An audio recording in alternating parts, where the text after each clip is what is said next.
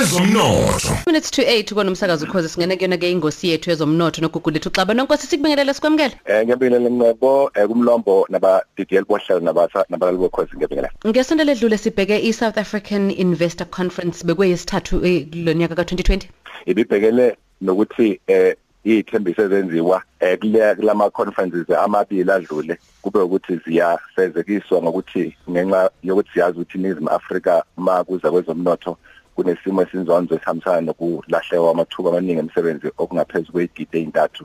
Eh ibibhekele ukuthi ke ake kuzame kuzanye manje indlela zokuthi kuimplementwe nganwazi kwakhiwe umnotho ngazo lezi mali ezazi kade zithenjisiwe. Futhi kubhekwe kakhulu umuzobuka uIbrahim Patel okungqongqoshe lo wa DTI eh ekhuluma kakhulu ngeAfrican Continental Free Trade Area Agreement ukuthi akusetshenziswe yona kakhulu ukuze kuthuthukiswe eh imboni zaseNingizimu Afrika. Nonkosi inyanga kaNovember i-entrepreneurship month siyayisibheka izinto eziphathelene nakho ke eh, ukukhuthaza abantu ukuthi bangene kuzona ezamabhizinisi kuyona i-entrepreneurship. Kunjalo futhi ithi i-entrepreneurship month nongcebo ibe futhi i-disability month kushuthi inyanga yabantu abaphila nokukhubazeka. Namhlanje asingashiyi ngaphandle also zimboni nosomabhizinisi ababa abangabantu abaphila nokukhubazeka ngoba kusho ukuthi uma bephila nokukhubazeka ababona abantu abakwazi ukucabanga ngeimboni ezahlukahlukene.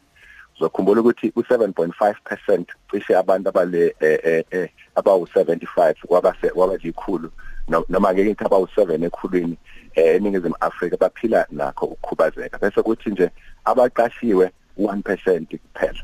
Eh uma ubheka kwezokuqashwa ilapho kakhulukazi kugcizelelwa khona ukuthi abaqashwe bangeniswe imbonini kodwa uma uzoza lapha kwezamabhizinisi basilela kakhulu emuva banganikezwa ithuba kube sengathi ukukhubazeka kwabo ukukhubazeka nangengqondo abakwazi ukuqala amabhizinisi. Bayakwazi nongcebo ukuqala amabhizinisi and siyafisa ukuthi sikugcizelele lokhu namhlanje ngoba eh ngisho inkampani eziningi ezikhona ikahulumeni neziyimele eh neminyango kahulumeni inawo ama percentage athile abantu abakhubazekile kufanele ukuthi banikeze wona ngokukwazi ukuthi bangene emabhizinisini. Ngiyakubona nje lokho okuqashwa ukuthi makuthiwa nje kwa Eskom kune set aside yabantu abakhubazekile 5% uyothola ukuthi lawo ma set aside lezo mali lezo emele basize minyaka yonke ibuyiselwe emuva kuthiwa abatholakala abantu abakhubazekile abazokwazi ukuthi bangene bathole nabo amathenda kumbe bangene emabhizinisini. So ke uhlelo namhlanje noma ingozi yethu namhlanje ithi ake siba